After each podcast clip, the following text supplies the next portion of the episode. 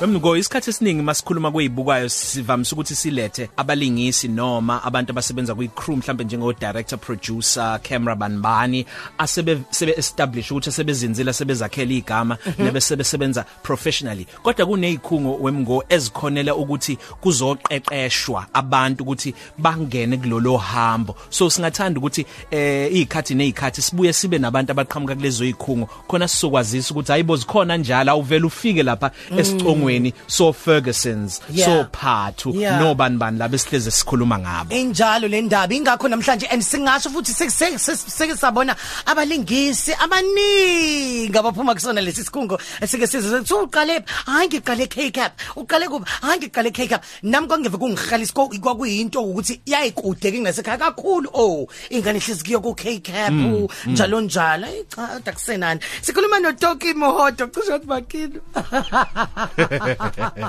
Hello Toki. Siyaphila njani? Siyaphila happy Wednesday. Ngiyabonga kakhulu ngibonga ithuba lokubalana. Toki uyazi ukuthi mangibuka la i- i- i- i- zonke izinto ezikhuluma ngawe zokuthi usukwenzeni ngiyazibuza ukuthi kungani ungekho lapha phezulu ku- usebenza ama production aphezulu usebenza nama channel yini le eh, usuhlale kuma board amaningi kangaka futhi uwumuntu eh, ogama lakho liyaziwa kakhulu ukhetha ukuthi nje ube se K-cap uyiqeqeshela ama talent Ngicabanga ukuthi ngibuya eGoli ngo2015 kwakubalekile sengihlale after 13 years khona ukuthi ngibuye ngizotshala kulo mphakathi engakhulu engakhula kuona. Ngazala ngakhula ngafunda kwamashu. Ngokufunda nokusebenza ngahlala eGoli iminyaka leminingi. Uma sengibuya kwakumnandi futhi ukungena kwi-NGO sector ngoba ila ukwazi ukuthi uma usiza khona ubone ushintsho emphakathini na kwi-individual. Unlike mhlambe uzoba sedrobheni usiza umuntu ungamazi ukuthi uphele laphi. Yebo. IKKP ezinye zezikhungo enjalo la ukwazi ukulandela umuntu ukuthi wafike nje uphume senjena manje. ngiyazi makhulunywa nge-K-Cap uMakedamu Edmund Mhlongo igama elihamba phambili kodwa wena wenzani lapha yana e-K-Cap uyini umsebenzi nisebenzisana kanjani? eKCAP ngusihlalo weboard lakhona. Ngiphinde ngibe ibamba lesikhundla semanager yakhona. Kusho ukuthi yonke into yama operations akhona ubusiness continuity noma ubudlelwano nabantu abasixhasayo nalaba abanobudlelwano noKCAP ngokomsebenzi. Shuthi mina onakekela into enjalo. So kwenzakalani K-cap so njengomuntu mhlawumbe ongazi ukuthi K-cap kwenzakalani ku- ku- like yini into efike yenzeke ngabe kunama classes afika bakhona mhlawumbe part nesonto um mhlawumbe eh, eh ama class ana woku actor kuphela ngabe khona nomdanso mhlawumbe asilent esasibuka kuma mabona godi ku backstage iKCAP ifocusa kakhulu kumkhakha wamaciko. Umkhakha wamaciko unama disciplines mhlambe ngithi afika la ku16 kodwa thina sifocusa kakhulu kummusic kube udance kube noacting. Siba neclass esilibiza ngeactors incubation and mentorship program. Ekumanje lizobe lenza ama auditions ngomhla ka9 to 13 kodwa aba auditiinayo ilaba kade beapplyile kuba ingcenye yeclass la 2020 Oh. there's over 300 yabantu abaapplyile so bese siba auditiona mase kuhlungwa the best 35 laba abawu 35 ibona bazobe sebeqeqeshwa mahala. Yonke into ongayicabanga from ukudansa kube ukucula kube ukuactor kube ukusebenzisa icamera kube imakeup lesibona kuma TV engathi wenziwa ingozi Oh, wow. kube icostume kube iset design kube ukumanage istage. Kube ukumanage ama artists kube into ekuthiwa iarts administration. Mhlambe futhi kube nento yokwenza ama film from ukubhala iscript kube ukuyidirector. Konke bazobe bekufunda mahala ngonyaka ozayo. Yazi ukuthi mawuyibala zonke lezi zinto emgo uvela ungikhumbuza ukuthi sesikhulume ngazo zonke lezi Yeah. zinto lezi. Now Toki ngibuka la amabhodo ohleli kuwona. Ini iSotuville iAfrican Heritage Collective iyoni ekhaya Multi Art Center KCAP eyakho okuyi Empowering Youth to Act and Change Outcome NGO indonya yesizwe eh Cooperative and Road Exchange Pty Ltd lonke lolwazi mawuhleli kuleli board lusebenza kanjani lukunikeza yipi advantage uma usuqeqesha umuntu njengoba usuku kwenza nje eKCAP?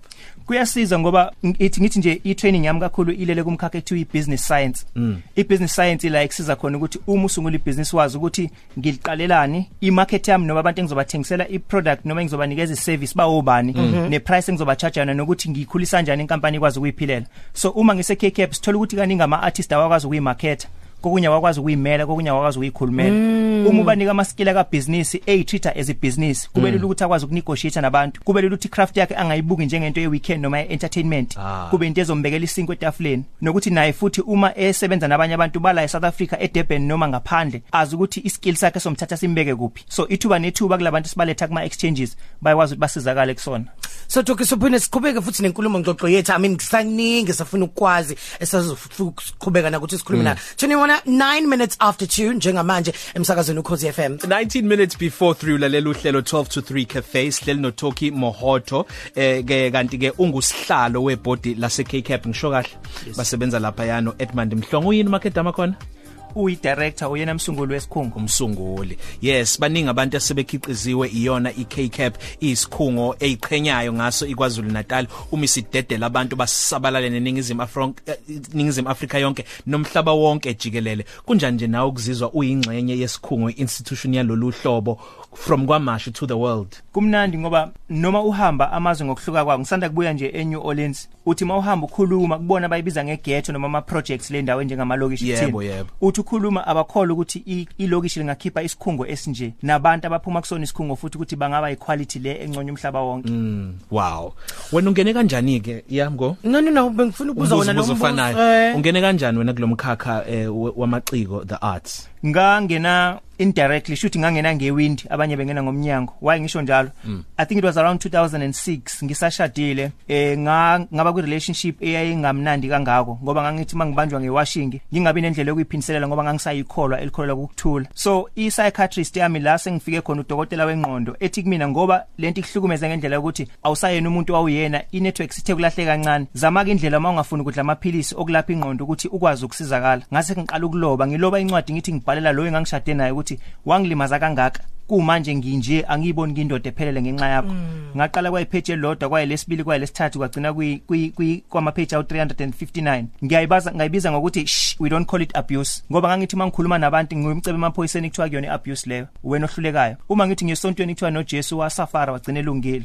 Uma ngithi ngemphakathini kuthiwa indoda enjani eshaya umfazi? Kwaba kungena kwami indirectly kwi creative art sector. Kwathi ngo2016 uma sengibuyile egoli ngaba neintroduction kuba bomhlongo shuthi asixoxa nje just a random conversation. Uma kuxoxwa wachazeka izinto engangikhuluma ngazo nokuthi nginolwazi cishe ne topic ne topic esasiyikhuluma. Yeah. wase yangimema ukuthi ngibe ingcenye yesikhungo sakhe kodwa ngangena as ilungu le board yakhona. Kwathi kanti uma ngena nje kanti sekuzovotwa vele itheme entsha ye board ngavotela ukuthi ngibe sihlalo ke since 2016 kuze kube manje. Yakhumbula uqiniso mbili eh, osebenza khona la ngaphakathi eh, kwa current affairs eh, ezokhuluma ngamaciko i- iart kakhulukazi yena njengoba wenza i-visual art. Waphindwa ukugcizelela futhi ukuthi kwabaningi i-art iyindlela yokuzi expressa kusho ukuthi yokukhipha okungaphakathi kuwena mhlambe ongakwazi ukukhipha ngendlela ejwayelekile yokukhuluma. Ngokusho kwakho njengoba uthi ungene ngewindow abanye bengena ngomnyango kulomkhakho njengalo ungasho uthi abaningi kwezamaciko bangena ngalolu hlobo ngenxa yokuthi emphakathini asinayo indlela eyiyona yona noma isikhungo institution esikwazi ukuthi singizwe singilalele singiqonde understand me. Ngakho ke iart yona ndlela. Ezinye futhi um- ingxenye upart B wa- wa- walombuzo wami ngabe niyabafundisa yini abantwana noma abantu abafika lapha eKCAP khona lokho uma kuukuthi ba abantu abafika bephukile ngaphakathi? Iqiniso abaningi bangena ngewindi ngoba iart emphakathini esiphila kuyona ayihlonishwa. Abazali baye bathi yenza iart ngama weekend noma masuqedile izinto eziserious na noma uthi ngifuna umsebenzi kwa creative art sector umzali uzothi qala ufunde mntana masuqedile usungakubona lokho kwama- kwa- kwa- kwa- kokujabula lokho okufunayo.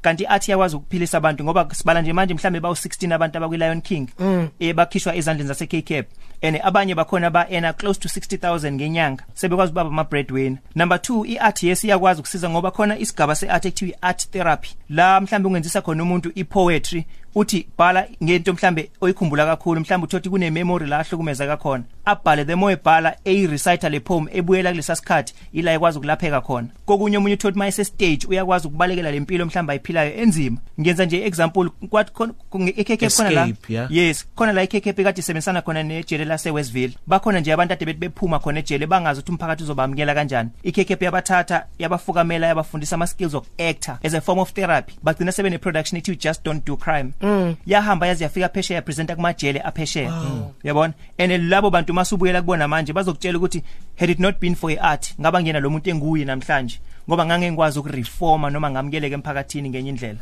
Okay, ake sibuke manje lemphakathi yona engenayo ke ikhunge ezifana neKCAP njalo njalo le kude endaweni ezikude.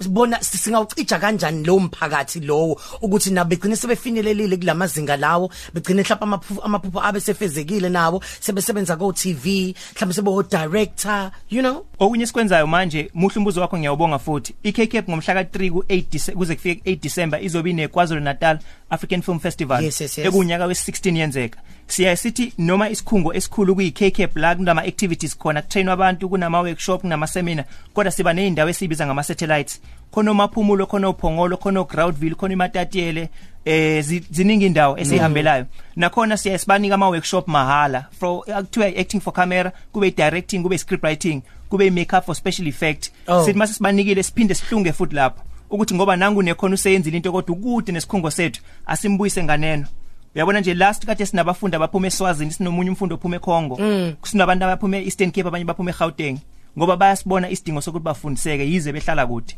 so kwenzakala niki khona lapho ku KZN African Film Festival nakulezi indawo lezi ezihlukahlukene mhm. ah, ngoba ngicabanga nje ukuthi kuyi festival kuba intende yabo mhlawumbe kuba iviki 3 days one day so kusukela ngomhla ka4 kufike kumhla ka6 kobe kulesithathu kuze kube ulesihlanu mm. yilaso besibafundisa khona. Sikhethe abantu abanjengabo Don King o Baby Cele o Mandla Dube o Duma kaNdlovu yena ubaba uEdmund Mhlongo uSamkeni yambona kwisibaya kubo Don King. Don King yes. Uzobe enye ama facilitators ethu? Lo ababengathi washow guess? No hayi oh hayi Don King promoter yesibhakela no no no esibhakela oh yo ithandeka Don King. Limvusa bu Don King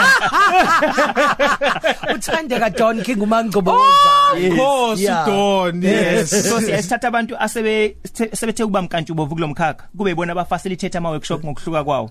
Wonke ama workshop esiwenzayo amahala.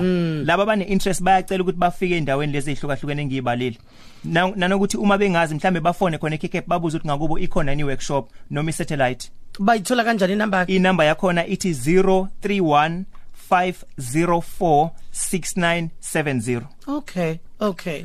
Siyabonga kakhulu ulwazi onalo mnumzane Mohodo yo nezinto sudlule kuzona futhi. Kodwa ke kukho konke ngibonile ngiya ngokuya ngiyaqonda ukuthi eh, isizathu seart kumuntu nomuntu sibaleke kangakanani. Mm. kakhulu. Siyabonga kakhulu. Inkundla zokuxhumana usibuzile yes sikuthola kanjani ku social media? Igama lami uToki Muhoto. Lispela ngo T O K I sibongo u M O H O T O. Alright ngisebenzisa igama elifanayo ku Facebook na ku Instagram halala right now Toki Mohoto uh, lo akade sikhuluma naye la emsakazweni ukhozi FM 1448 Positive Cafe.